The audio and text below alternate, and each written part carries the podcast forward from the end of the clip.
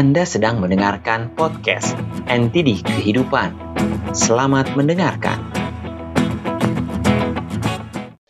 Perintah Raja pada tiga menterinya. Di suatu kerajaan, hiduplah seorang raja yang memiliki tiga orang menteri.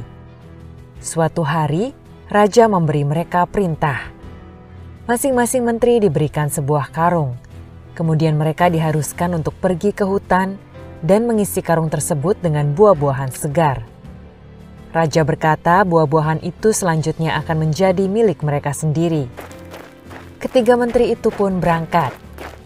Menteri pertama adalah orang yang rajin, bersemangat, dan selalu mengerjakan apa pun dengan sepenuh hati. Dia berupaya memenuhi karungnya dengan buah-buahan segar yang dikumpulkan dari hutan hingga malam hari. Menteri kedua adalah orang yang agak malas. Dia secara asal-asalan mengumpulkan buah apa saja untuk mengisi karung yang ia bawa, termasuk juga buah-buahan yang sudah membusuk. Saat siang hari, karung itu akhirnya penuh. Menteri ketiga adalah orang yang sangat malas.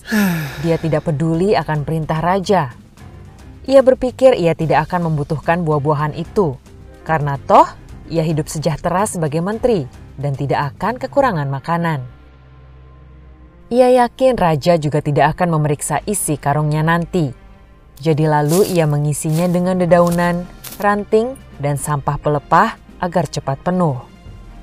Keesokan harinya raja memerintahkan ketiga menteri tersebut untuk datang dan membawa karung berisi buah-buahan segar yang sudah mereka kumpulkan. Tanpa memeriksa isi karung, raja tiba-tiba mengurung mereka di sel yang terpisah bersama karungnya masing-masing. Raja berkata ia akan mengurung menterinya selama seminggu penuh tanpa suplai makanan.